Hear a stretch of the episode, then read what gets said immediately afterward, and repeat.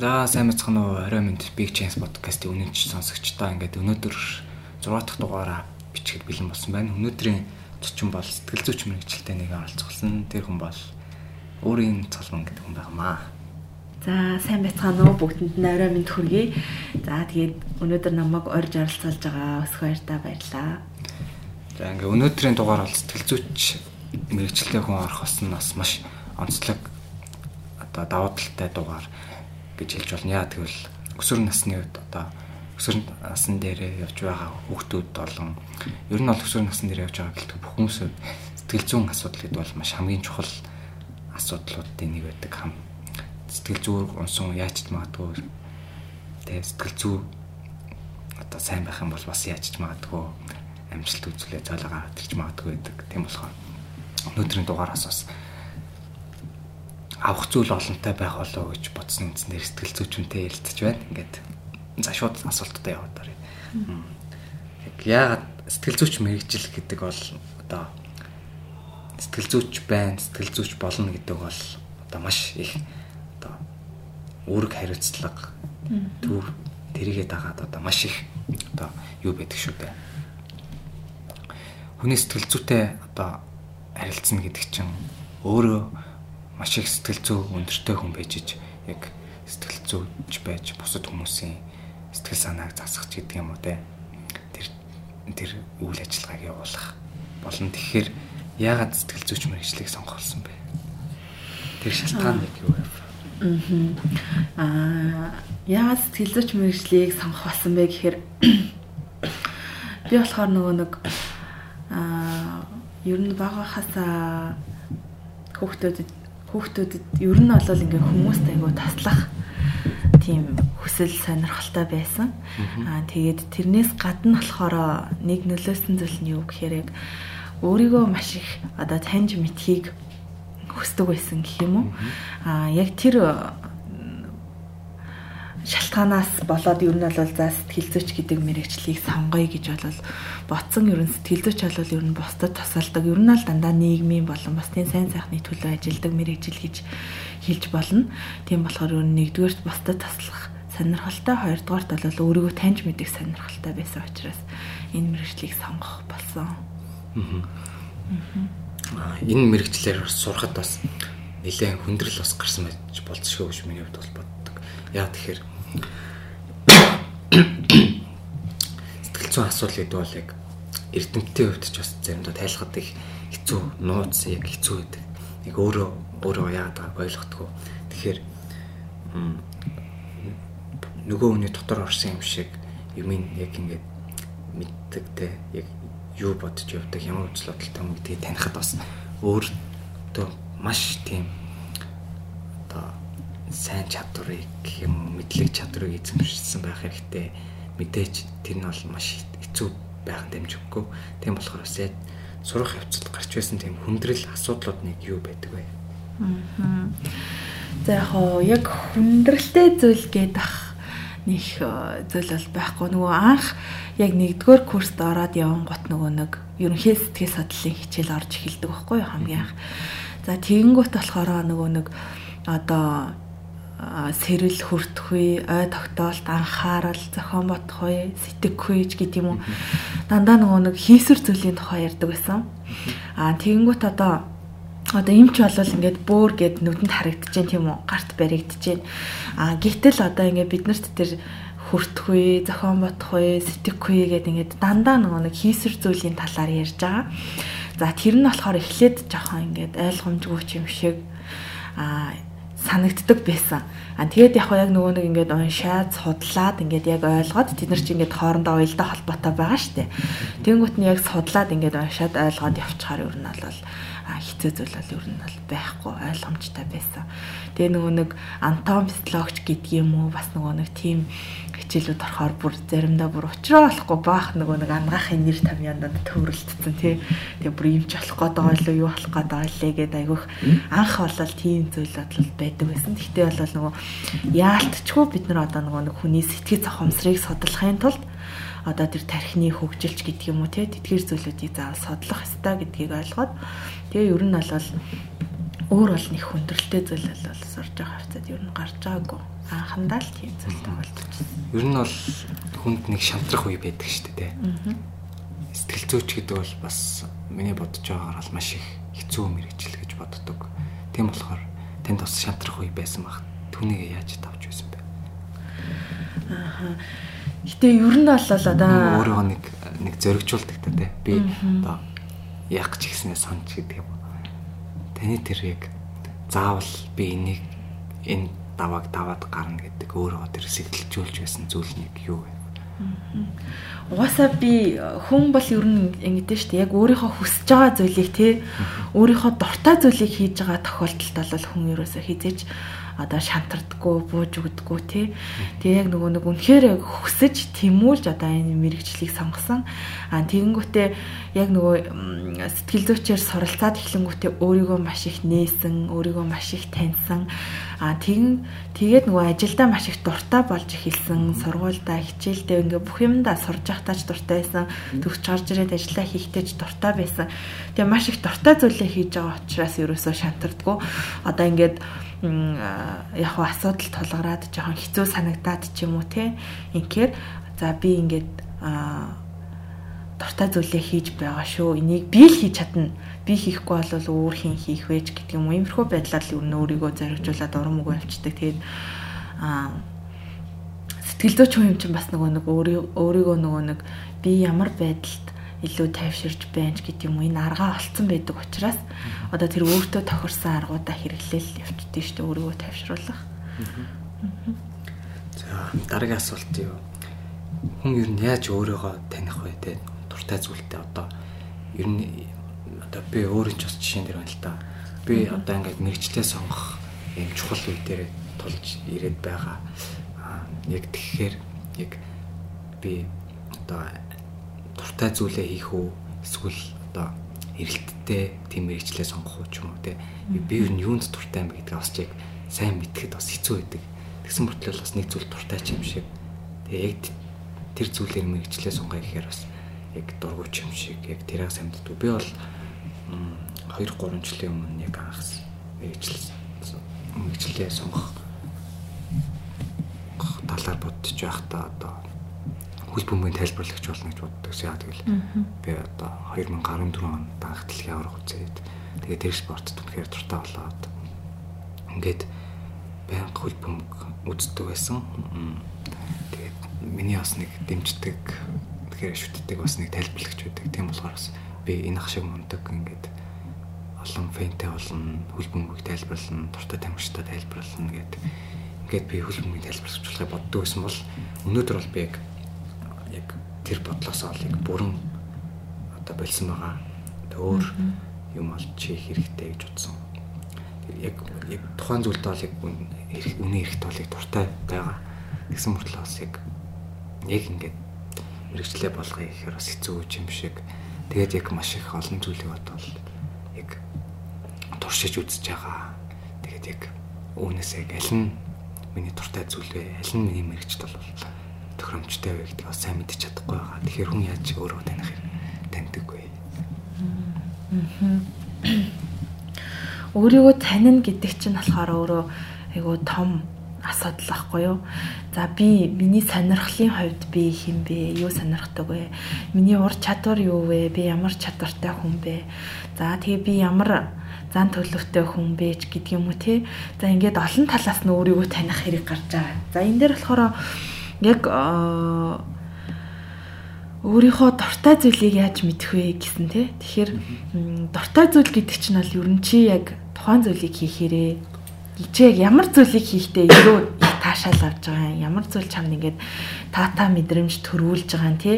Чи ямар зүйлийг хийх болгондоо ингээд чи тэрийг тэрнээс уйдахгүй тий. Өдөр болгон хийсэн ч чи тэрнээс уйдахгүй залах чадахгүй чамд хийх болгонд ингээд сонирхолтой санагддгийн тий за зүгээр ингээд хийгээгүй үедээ чи тэр зүйлийг хиймээр санагддаг ч юм уу тий тийм зүйлүүд байдэн штэ хүнд. А тэр зүйлийг чинь болохоор дуртай зүйл буюу одоо хүний сонирхол гэж хэлээ да за ур чадвар гэдэг чинь болохоор чи одоо ингээд 19 жил 18 жилийн турш амьдарсан байлаа гэхэд энэ хугацаанд чиний эзэмсэн хийж сурсан бүх зүйл чинь ур чадвар гэдэг зүйл болоод байгаа юм аа. Хийж сурсан бүх зүйл чинь чиний ур чадвар. А хийхийг хүсдэг зүйл чинь чиний сонирхол. болж байгаа байхгүй юу. Тэгэхээр мэрэгжил сонголтын дээр бол аа чи 3 гурван зүйлийг хамгийн түрүүнд ер нь бол анхаарч үзэх хэрэгтэй. Миний хийхийг хүсдэг зүйл буюу сонирхол юу вэ? А хоёрдугаарт нь миний хийж чаддаг зүйл буюу ур чадвар юу вэ? А гуравдугаарт нь чиний ховын онцлог. За энэ зүйлийг хийхэд чиний ховын онцлог тохирж гинүү үгүй юу? За энэ гурван зүйлийг харгалзаж юу нь бол мэрэгчлээ сонгоно гэсэн үг. Ерөнхийдөө бол миний бодлоор бол хүмүүс яг өөрийгөө одоо зөв хүн болгоод төлөвшүүлчих юм бол энэ нийгмийн амьдралд гараад ер нь бол алдах зүйлгүй ер нь бол уналтанд орохгүй ер нь өөрийгөө бариад яваад чадна гэж боддог. Ер нь бол хүн болж төлөвшнө гэдэг нэг өөр яг ямар ямар зүйлийг өөртөө эзэмшсэн байх хэрэгтэй. Одоо наад захын одоо харилцааны соёлч гэдэг юм За ер нь бол зөв хүн гэж яг ямар хүнийг хэлэх вэ те? Зөв хүний зөв хүн гэж ямар хүнийг хэлэх вэ гэхээр одоо харилцааны зөв соёлтой хүнийг сонсож чаддагч гэдэг юм уу те? За тэгээд элдэм муу зуршилгүйч гэдэг юм ийм хүнийг ийм ийм ийм хүнийг зөв хүн гинэ гэд одоо гэсэн шалгуур байгаад байгаа шүү дээ тий. Бид нар одоо чамд ч гэсэн өөрт чинь байгаа чи одоо хог хайдгүй хүнийг зөв хүн гэх юм уу? Ямар хүнийг зөв хүн гэх юм? Тэр зөв хүн гэдэг дээр чинь бас нөгөө нэг бас өргөн утга агуулгатай болоод ирж байгаа. Тэгэхээр ер нь бол сэтгцэн эрүүл мэндийн хувьд одоо эрүүл харилцаа хандлага төлөвшлийн хувьд бол одоо эерэг а одоо тийм хүнийг л ер нь бол зөв төлөвшсөн хүн элдв муу зоршилгүй одоо тийм хүнийг л ер нь бол зөв төлөвшсөн хүн гэж ер нь бол ихний ээлжинд бол одоо үнж болно. Миний хувьд бол ер нь зөв хүн гэдэг нь одоо хүн ер нь бол их талархаж сурах хэрэгтэй, байгаа байгаад сэтгэл ханах хэрэгтэй. Гэхдээ энэ нь бас юм бүхэн хоёр талтай гэдэг шиг одоо байга байга зүйлтэй сэтгэл хана гэхээр юу гэсэн үг гэхээр шуналтай байж болохгүй. Тэглээгээд бас юмнаас хойш сууж бас болохгүй нь хоёр талтай гэдэг чинь бас яг бүх зүйл дээр л гардаг. Яг үнэн одоо байга байга зүйлтэй сэтгэл хана гэд би одоо жишээ нь өнөөдөр миний мэдлэг одоо одоо би 10 хүртэл 10 дотор тоолж чаддаг байх юм бол би 10 дотор тоолж чаддаг юм чинь гээд ханж болохгүй. Аа бусад хүмүүс дэлхийн хамгийн одоо их дотор яа сандар яг сандарч шүү. Одоо дэлхийн хамгийн одоо мундаг математикч одоо жишээ нь хэдэн хэдийн дотор бодож чаддаг юм бэ? Тэр хүртэл бодож чадна гэсэн үг. Тэгэхээр бас ер нь дэлхийн дундаж хүмүүс энэ масс ер нь хэд дотор бодож чаддгийн ер нь бол тиймэрхүү байдлаар одоо юм идэвхцэтгэл гаргах хэрэгтэй гэх юм уу гэж ер нь үздэг.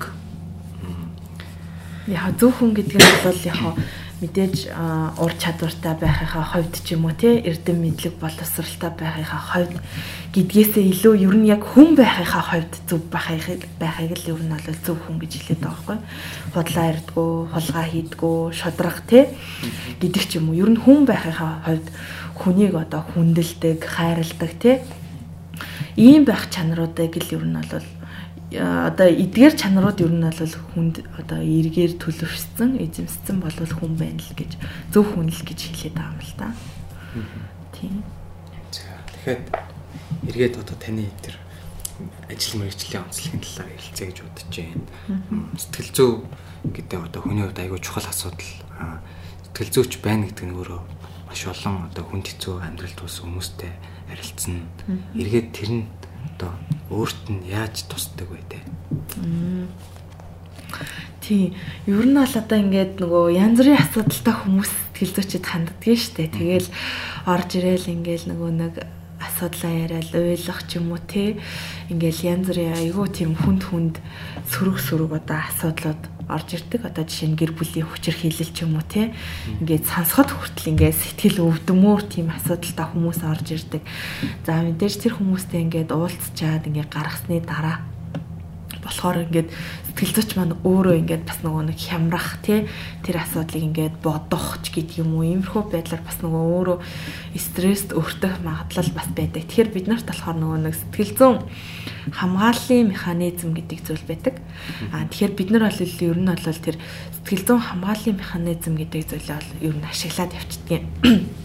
Одоо ингээд а саплимат хийх ч гэх юм уу тий а саплимат хийн гэдэг нь одоо юу юу гэхээр одоо нөгөө нэг стресстэд байгаа л бухимдаад байгаа л тэр зүйлээ одоо тэр зүйлээ одоо ингээд шүлэг бичих ч юм уу тий иймэрхүү эерэг зүйлээр эерэг байдлаар ингээд гадагшлуулах гэх мэт одоо ийм аргуудыг ер нь бол бид нар эсвэл фантазлагч гэдэг юм уу одоо юмыг ингээд хитрүүлж төсөөлж ингэж сайн сайхнаар бодож ч юм уу тий иймэрхүү байдлаар ер нь бол тэр өөрийнхөө тэр стресс бухимдал тэр зүйлүүдийг ер нь гатгчлуулждаг. Тэр одоо ажилласаа одоо тэр нөгөө стресс гэдэг шүү дээ. Тэр зүйлээ бол бид нар ер нь аль тэр хамгааллын механизм гэдэг зүйлийг ашиглаад ер нь гатгчлуулждаг гэсэн.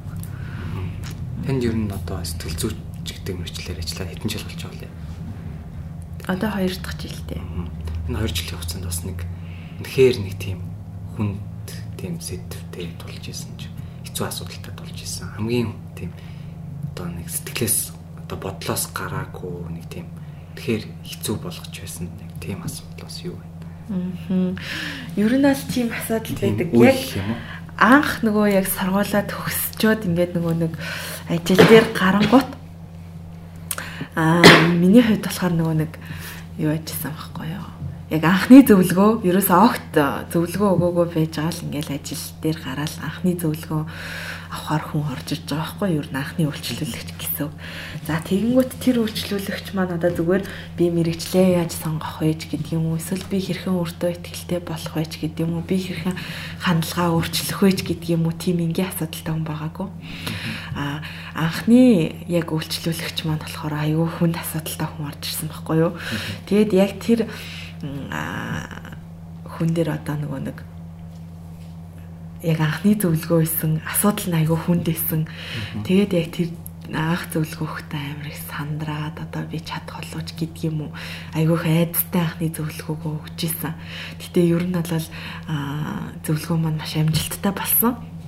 Хоёр өдөр зөвлөгөө өгөөд тэр үйлчлүүлэгч хаа ер нь бол асуудлыг шийдэж өгсөн байгаа. Гэтэ одоо нөгөө нэг асуудлын ер нь бол хэлэхгүй байсан нэр ах гэж бодож байна. Тэгээ ягаад гэвэл одоо нөгөө зөвлөгөө авч исэн хүн маань ч юм уу те сонсчиж магадгүй учраас гэдэг үгээс хэлэхгүй байж болно те. Аа. За дараагийн асуулт руу оръё. Бүх зүйлийг ер нь хүн эргээр харж сурах нь маш чухал. Одоо зайлшгүй хэрэгцээтэй гэж үздэг. Яагаад гэвэл одоогийн нийгэмд бол асуудал гэвэл угаасаа л тоо томшгөх байдаг. Тийм болохоор хүмүүс маш их одоо ажлын стресс ч гэдэг юм уу бусад гэрооны асуудал гэл маш их стресс, депрессэнд ингээ орцсон байдаг. Тийм болохоор ерөнхийдөө бол асуудал бол биднээс ингээ холдоод яваад ямар ч асуудалгүй байна гэж үнэхээр байхгүй. Тийм болохоор энэ бүх зүйлд ингээд сөрөг зүйлд яаж ингэж эргээр харж ингэж эвтэйх ингэж өөртөө уусгаж хүлээж аваад ингээд гадагшлуулаад Ер нь яаж тийм эерэг хүн байх?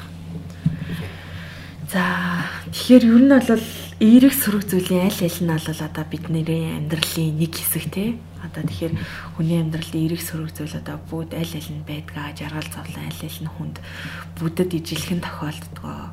Тэгэхээр бид нар одоо яаж эерэг байх вэ гэхээр ер нь бол хүний хандлага одоо харах өнцгтөө маш их холбоотой байдаг гэх юм уу.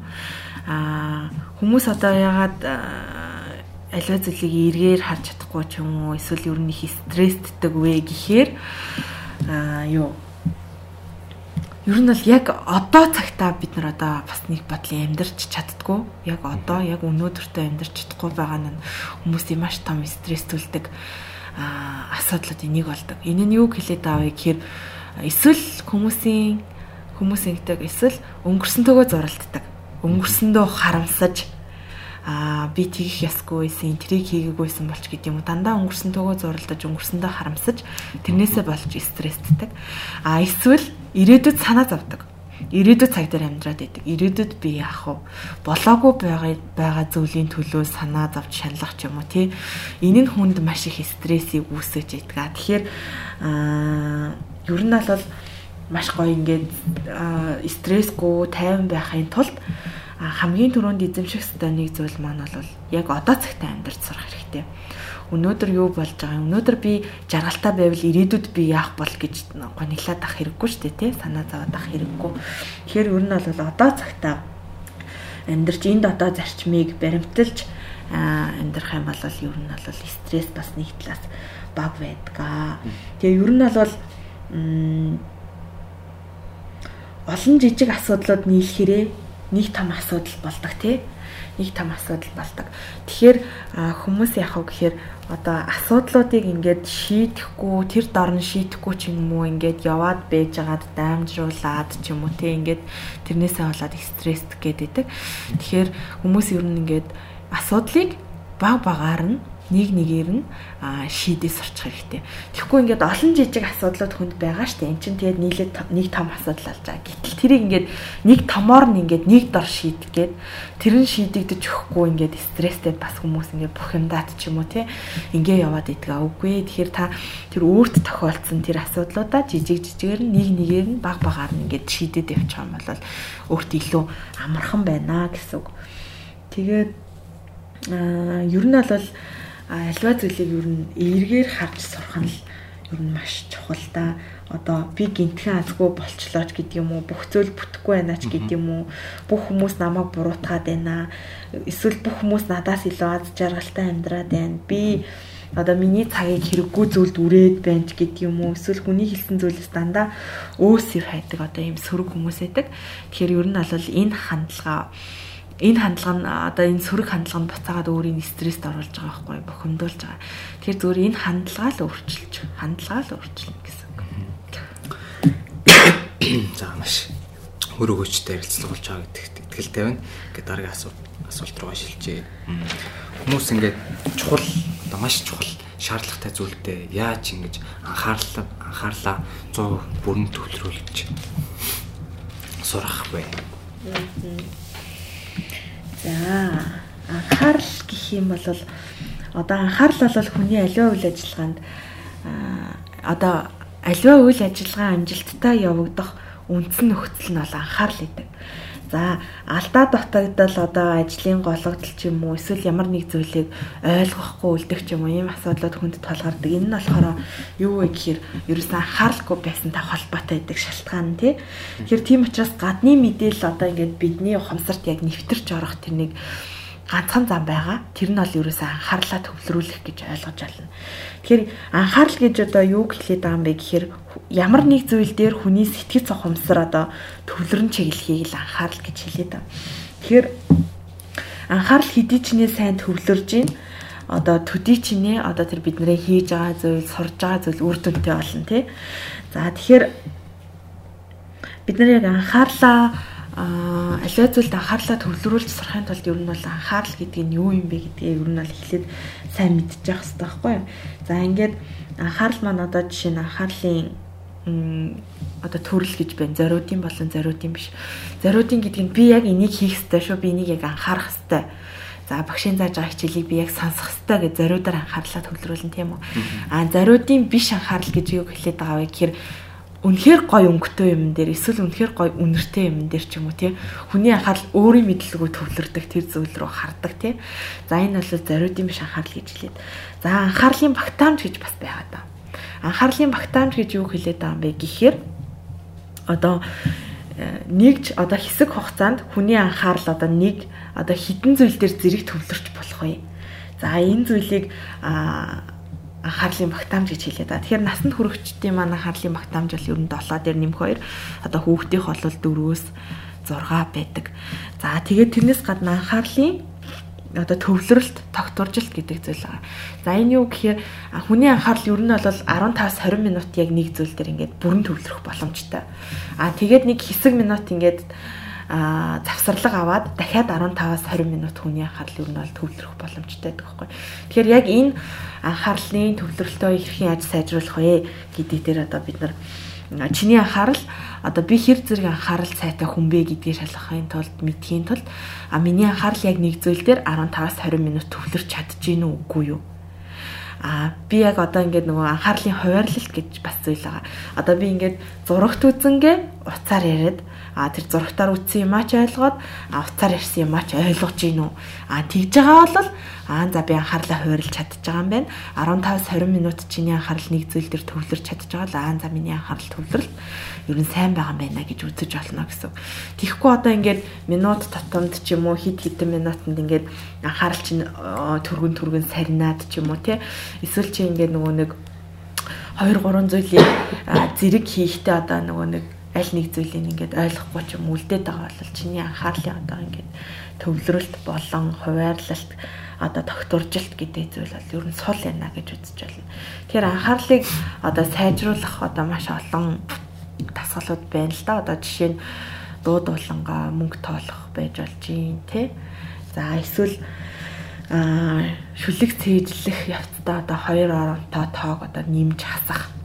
За эсвэл одоо аа холилдсон одоо ингээд маш олон үсгэн дотроос одоо ингээд тоог олох ч юм уу тий Тэр нь одоо маш их хүнээс анхаарал шаардж идэг учраас одоо ийм дасгалуудыг хийх нь хүний одоо анхаарал төвлөрөлтөнд эргээр нөлөөлдгөө.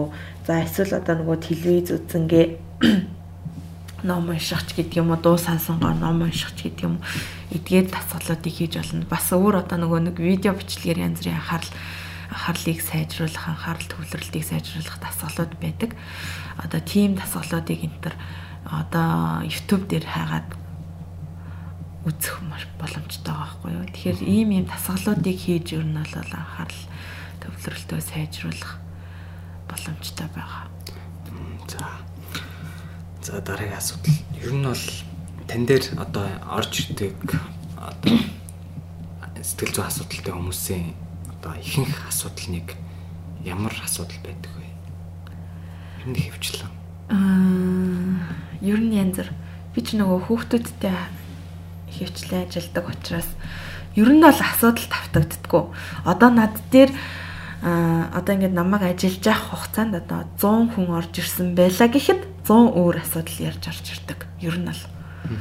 Ер нь бол асуудал ер нь тавтагддггүй. Гэхдээ их хөвчлэн ингээд үсэх юм бол ер нь бол гэр бүлийн асуудал байдаг.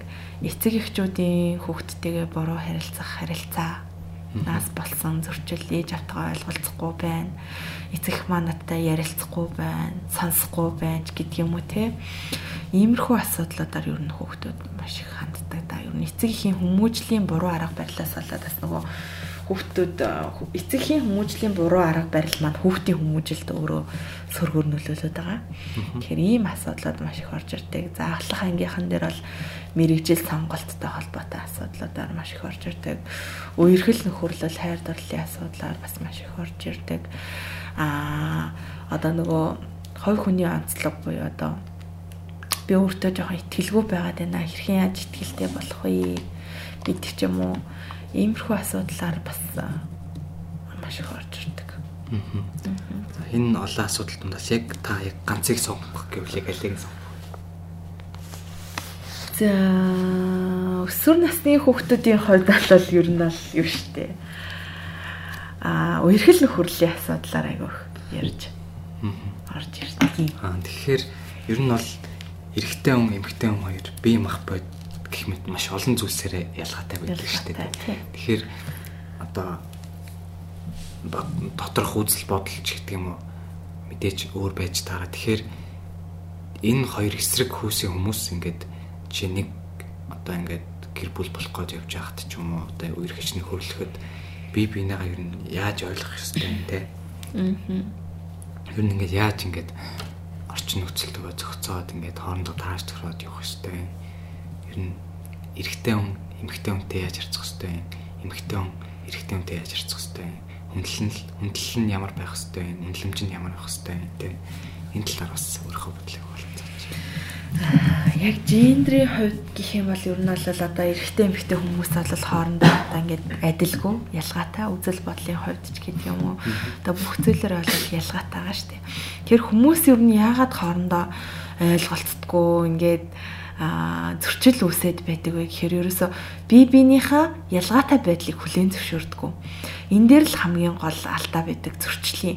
А тэгэхээр энэ хүн надаас ялгаатай хүн шүү. Өөр сонирхолтой, өөр үзэл бодолтой тий магадгүй амьдарч өссөн орчин нь өөр шүүж гэдэг юм уу. Тэр нэг хүний одоо нөгөө бусдаас ялгаатай байдлыг ерөөсөө бид нар хүлээн зөвшөөрч чаддгүй.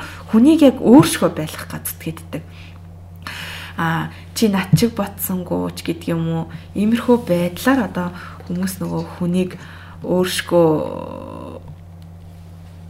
байлгах гад ингээд зүтгээд идэг. Энэ нь болохоор маш том зөрчлийн ялгаа болдог. Тэгэхээр бид нар бол одоо би бинийгээ а ер нь бол энэ хүн надаас ялгаатай хүн шүү. Хувийн орон зайг нь олгоод тий үзэл бодлыг нь хүндэтгээд ингээд сурчих юм бол тэр сонирхоод байгаа зүйлийг нь хүртэл хүндэтгээд ингээд сурчих юм бол ерөөсөө зөрчил гарахгүй. А яг өөршгөө байлгах гэж зүтгэдэг нь л ер нь хүмүүсийн хосуудын ер нь бол их нийтлэг алдаа байдаг гэх юм. За баярлалаа маш сайхан ярилцлага болж өрнөж байна. Ингээд сүүлийнхээ асуулт руу шилжиж орё гэж бодож байна. Ер нь бол та дарамт дарамт гэж ер нь юу юу вэ таны хувьд? Та ялангуяа сэтгэл зүйч хүний хувьд өнцгөөс ч юм уу? Ямар хүмүүсийг одоо дарамтанд орсон хүмүүс гэж юм боддог. Би эхлээд өөрийнхөө бодлыг хэлж байгаа. Одоо дарамт гэж юу нь бол би бол өөрөө ер нь ямар нэгэн дарамтанд байна гэж боддог. Гэхдээ яг юугаа дарамт гэж боддог вэ гэхлээр за юу гэсэн ч юм те бас нэг энэ бол хоёр талтай байхгүй юу. Би юу дарамт дарамтгүй амьдэрдэг одоо ямар нэгэн гэр бүлийн үчирхэл ч юм уу те дээш харахад таац доош харахад шал гэдэг шиг. Одоо тийм байгаа байхгүй идэх хоолтой тий хүмүүс хувцас байна. Гэхэд бол энэ бол даралт дарамт биш. А жинхэнэ дарамтанд байгаа хүмүүс гэдэг бол одоо жишээ нь үнчин ч гэдэг юм уу тий орох оромжгүй тийм хүмүүсийг одоо жинхэнэ дарамтанд байгаа хүмүүс гэж хэлэх байх. А бидний хувьд бол яг одоо миний хувьд одоо төр зургийн дарамт шиг нэг юм байл та. Одоо л би тэгэл мэрэгчлээ зөв сонгох хэрэгтэй тий энэ ч юм бол яг амьдралд хөл тавих анхны алхмуудыг хийгдэх зөв буруу зөв сонголттой одоо энэ тэнцтэй ингээ ирсэн байна. Тэгэхээр зөв сонголт хийх юм бол бас маш зөв замаар яваад ингээд сайн хүн болоод ингээ явах боломж байна. Аа буруу сонголт хийчих юм бол бас буруу зүр хүмүүстэй нийлээд ингээд муу зуршил тавтаад ингээд муу хүн болгоч тийм ийм чухал үе дээр ирсэн. Тийм болохоор ингээд би яг ингээд яах вэ те би энийг сонгочвол ингээд энэ замаар явал би энийг хийж чадах болов уу гэх юм. Ер нь бол иймэрхүү төр зургийн юм одоо хиймэл дарамт гэх юм уу. Ер нь бол байгаад байдаг гэж ер нь бол дарамтыг бол тэгж хардаг. Дарамт гэхээр чи яг дарамтад өртөж байгаа шалтгаанууд бол бас янз бүр тий. Гэхдээ одоо нөгөө нэг сэтгэл санааны дарамт гэдэг зүйл ч одоо юу юм гэхээр чи чамайг одоо сэтгэл зүйн хувьд таагүй болгоод байгаа. Сэтгэл зүйн хувьд айдас өртүүлээд байгаа. Сэтгэл зүйн хувьд чамайг одоо түгшээгээд байгаа. Тэ одоо ийм үйлдэлүүдийг одоо хин нэг нь чамайг нэр хоч өгөх ч юм уу тэ эн чинь хүртэл дарамтанд орчиж байгаа байхгүй. Аа чамд нэр хоч өгөх одоо Facebook сошиалаар одоо сүүлийн үед бас янз бүрээр би бинийгээ хилдэг тий. А эсвэл чиний талаар худал мэдээлэл тараах ч юм уу тий. Инээс болоод чи одоо тэрийг а мэдээж хүн дээр хүлээж авна. Тэр нь чамд таагүй санагдана. Одоо ингээд чи одоо энийг ингээд бодож шийдэж чадахгүй ингэж бодож явсаар агаад ч юм уу тий. Энэ нь чамд ингээд буцаагаад сэтгэл санааны хувьд таагүй байдал үүсгээд одоо энэ нь ингээд дарамттай санагдаж эхэлж байгаа гэл. Ер нь бол сэтгэл санааны дарамт гэж хэлээд байгаа байхгүй чамд таагүй. Сэтгэл зүйн хувьд таагүй айдас төгшөр үүсгээд байгаа эдгээр асуудлуудыг Тэгээд энэ нь мэдээж давтамжтай тий удаа дараа ийм зүйлүүд одоо чамд ийм мэдрэмж төрөөд байгаа. Аа энэ зүйл нь бол чамд дарамт талж ирээд байгаа. Тэгэхээр аа чиний хувьд болохоор сая юу гэлээ? Аа дарамт гэдэг үү? Тий. Хиймэл дарамт? Аа тий. Юу гэдэг лээ? Зохиомл дарамт одоо яг жинхэнэ дарамтанд байгаа хүмүүсийг бол одоо жишээ нь үнэхээр хэцүү те хэцүү амьдралтай Аа. Чим ч юм уу тэг гарах боломж өгч гэдэг юм уу. Тиймэр хүмүүсийг дарамтанд байгаа гэж хэлэх баг. Миний хувьд бол яг хиймэл дарамт бол байдаг те одоо энэ төр зурагч гэдэг юм уу. Аа тий. Чиний асуудал болохоор яг одоо ингээд би мэрэгчлээ яаж сонгох вэ гэдэг юм уу тий цаашид яг амьдралынхаа сонголтыг хийх гээд байгаа ч юм уу. Энэ зүйл чинь одоо чамд дарамт болж ирээд ингээд та. Тэгэхээр дарамт гэхээсээ илүү чиний над асуудал ч юм болохоор яг одоо нөгөө зүгээр сэтгэл санааны таагүй байдал тий зүгээр санаа зовоосон одоо төр зүрийн чиний санааг зовоосон асуудал байгаа гэсэн үг байхгүй чамд чиний санааг зовоосон асуудал байна гэсэн. Тэрнээсгээ яг дарамт гэхээр бас арай жоохон хүнд болоод явчих штэ. Дарамтанд орсон биш. Чи сэтгэл хин нэгэн чамааг ингээд дарамтлаагүй штэ тий. Тэгэхээр чи хин нэг нь чамд толгод шаардаагүй те. Эсвэл чи ингэж мэрэгжлээ сонгоч эсвэл амьдралаа ингэж сонгоч гэдэг юм уу? Хин нэгэн хүн чамаа ингэж толгож шаардаагүй те. Тэгэхээр энэ бол чамд дарамт гэхээсээ илүү зүгээр чиний сэтгэл санааг тавгуутуулсан зүгээр чамааг санаа чиний санааг зовоох юм асуудал чамд байгаад байгаа юм байна л гэсэн. Ерхэд бол бас жоохон буруу бодож явдаг байсан байна. Гэд мэдэж авлаа. Гэхдээ ер нь бол дарамтнд байгаа хүмүүс одоо жишээ нь өрөнд орох бол ер нь бол дараа. Өрийн дарамт мөн аха. Тийм. Жишээ нь дарамтаас ер нь яаж ангирчих ёстой юм бэ? Тийм. Одоо юу чамайг дарамтанд оруулаад байна? Эхлээд одоо шалтгаанаа тий шалтгаанаа мэдэх нэ. Тэгээ шалтгаанаа мэдчихэж бид нар юунаас олж дарамтанд өртөөд байна? Аа тэгвэл энийг яаж шийдэх вэ? Эхлээд шалтгаанаа тогтоон дараа нь шийдэх арга замаа тогтооно гэсэн юм байна. Ерөнхийдөө бол одоо өсвөр наснд би бас өөрийнхөө нэг алдаа. Тэгээд одоо л туршлага болсон. Нэг тэр зүйлийн талаар. Ерөөхдөө одоо энэ өсвөр наснд гардаг ихэнх асуудлууд сэтгэлийн хөөрөл одоо өндөр хүлээлт юмнаас хэд өндөр хүлээлт тавьдагтай холбоотой байдаг.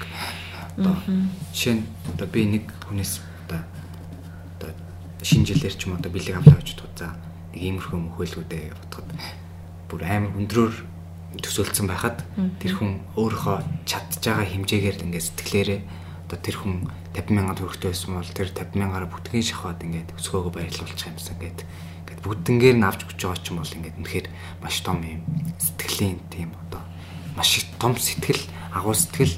Харин миний хувьд бол жишээ нь одоо үнтэй утас ч гэдэг юм уу тийм ч байсан байлаа гэхэд одоо ингээд одоо нөгөө хүний тэр маш их агуу сэтгэлийг ингээд ингээд өнгөөдүүлж ингээд өсөрдүүлж ингээд ингээд тэр хүнтэй би ингээд маргалтаад модалцаад ч юм ингээд асуудал үүсэх магадaltaй. Тэгэхээр одоо энэ подкастыг сонсож байгаа хүмүүсээс юмас бас хэд өндөр хүлээлт бити тавьж байгаарэ гэж бас хүсмээр байна.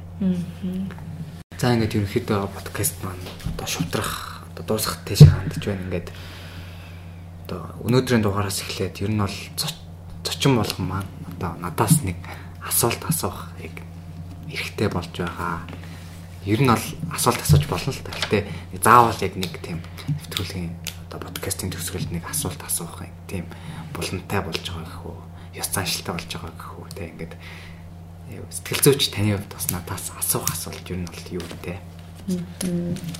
За тэгэхээр чиний хувьд ер нь хандлага гэж ер нь яг юу вэ? Чиний бодлоор хандлага гэдэг бол яг би бол өөрийнхөө бодлоор л яг хариулъя одоо би миний одоо хариулт буруу зүгийг одоо сайн мэдэхгүй байна. Гэхдээ хандлага гэж бол ер нь бол хүн илүү ингээд хүн ер нь бол одоо хандлага зөв эерэг хандлагатай болно гэдэг бол одоо маш чухал гэж миний хувьд эерэг хандлагатай заавал байх ёстой гэж боддог. Тэгэхгүй бол үнэхээр чи сөрөг хүн байх юм бол тэг ингээл жоох юмд л уралцдаг ч юм амархан уралцдаг юм байх юм бол ингээд эргэн тойрныхоо хүмүүсийг маш их тийм одоо одоо үнэхээр одоо тэр сайхан уур амьсгалтай байсан. Одоо гоё зүйлсийг ингээд нураан эргэн эргэн тойрныхоо хүмүүст нөлөөлнө те. Тэгэхээр чиний дотны найзууд ингээд чамааг уурлаад ах чинь ингээд чамааг орхиод явж чадахгүй баярлж чадахгүй те. Тийм болохоор хүмүүс ер нь бол юмд эргээр хандаж сурах хэрэгтэй гэж би бас яг хэлмээр. Би бол яг хандлага гэж юу гэдгийг бол яг ингээд өөрөө ингээд та бүхэн тайлбарлахад бол миний ухаан хөрөхгүй. Гэхдээ би яг эрэг хандлагатай байх ёстой. Хандлага гэж юу гэдгийг бол яг өөрөө л яг ухамсарладаг. Тийм болохоор миний хариулахаар л ер нь бол ийм л байна. Зөв зөв. Ер нь аль зөв. Гэхдээ ер нь хандлага гэдэг чинь одоо яг хүний одоо тохон хүмүүс маань аливаад яг нөгөө нэг дуртай байх эсвэл дургүй байх Тэрийг л бид нар хандлага гэж нэрлэдэг байгаа байхгүй. Одоо нэг сэтгэл зүйчд бол хандлагыг янз бүрийн байдлаар одоо тодорхойлдог. Гэтэ ерөнхийдөө бол хандлага гэдгийг ер нь бол хүний дур сонирхол а дур таашаал гэдэг байдлаар бол ер нь тайлбарлаж байгаа. Альва зүйл дуртай байх эсвэл дургүй байх. За хандлага маань болохоор одоо хүний мэдлэг чадвар, итгэл үнэмшил, одоо сэтгэл хөдлөл, хүсэл зорилго, зан үйл зэрэгтэй одоо зайлшгүй холбоотой байдаг. Хүн бол одоо итгэж үнэмшдэг зүйлдээ яадаг уу? Маш эргээр ханддаг тийм үү. Тэрийг бүр хүлээн зөвшөөрдөг, тэрийг бүр магтан сайшаадаг тийм үү.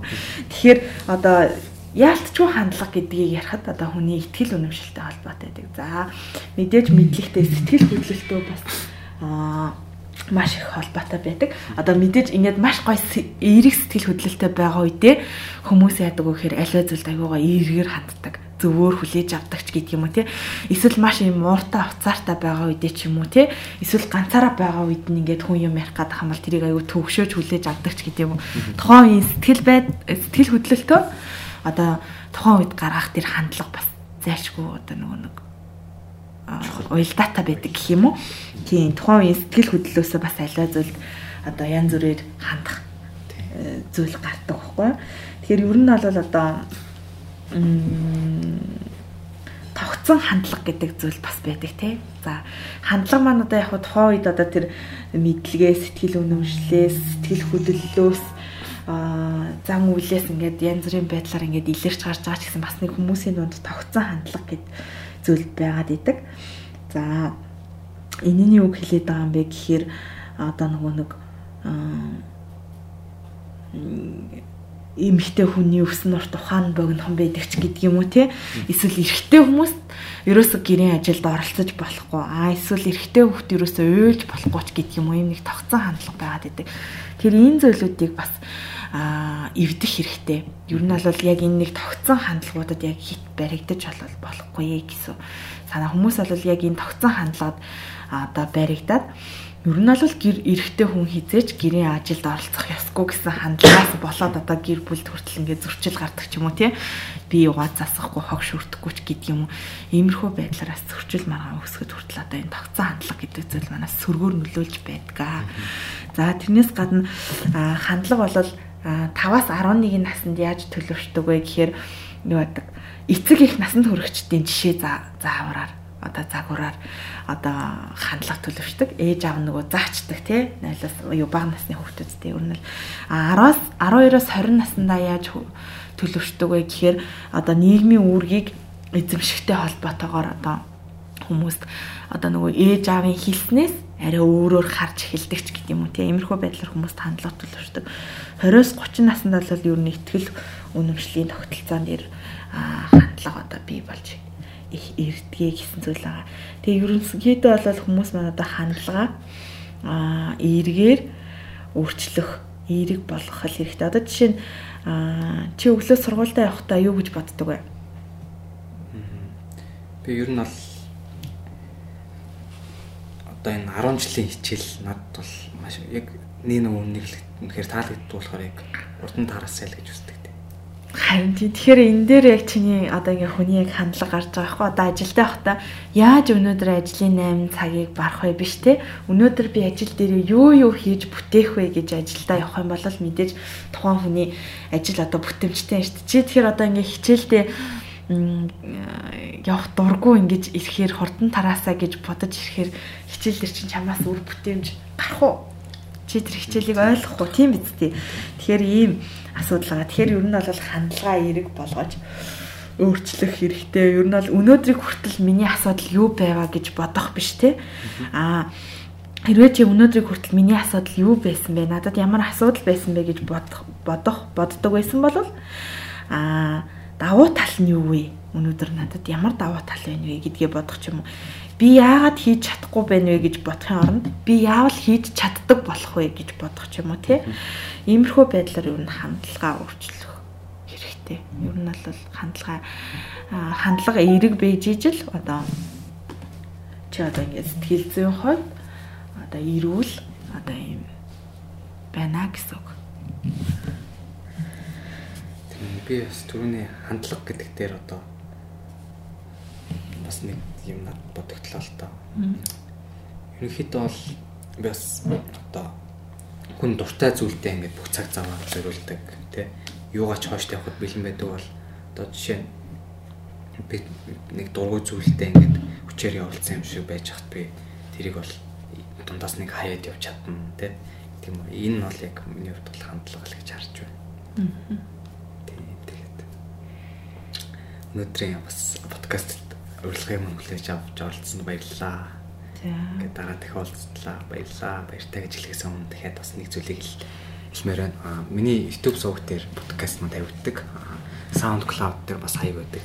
Тэгээд бичлэгийн доотлолт линк нь оруулах болно. Тэгээд миний YouTube channel-ийн одоо бичлэгийг үздэг үздэг хүмүүс одоо 90 90 гаруй нь subscribe дараагүй байдаг. Тэгэхээр та бүхэн subscribe дараад share-лээд өгөөрэй. Бас мөн миний SoundCloud хаягаас бас сонсоод явах боломжтой шүү гэдгийг энэ даршрамд хэлээ ингээд.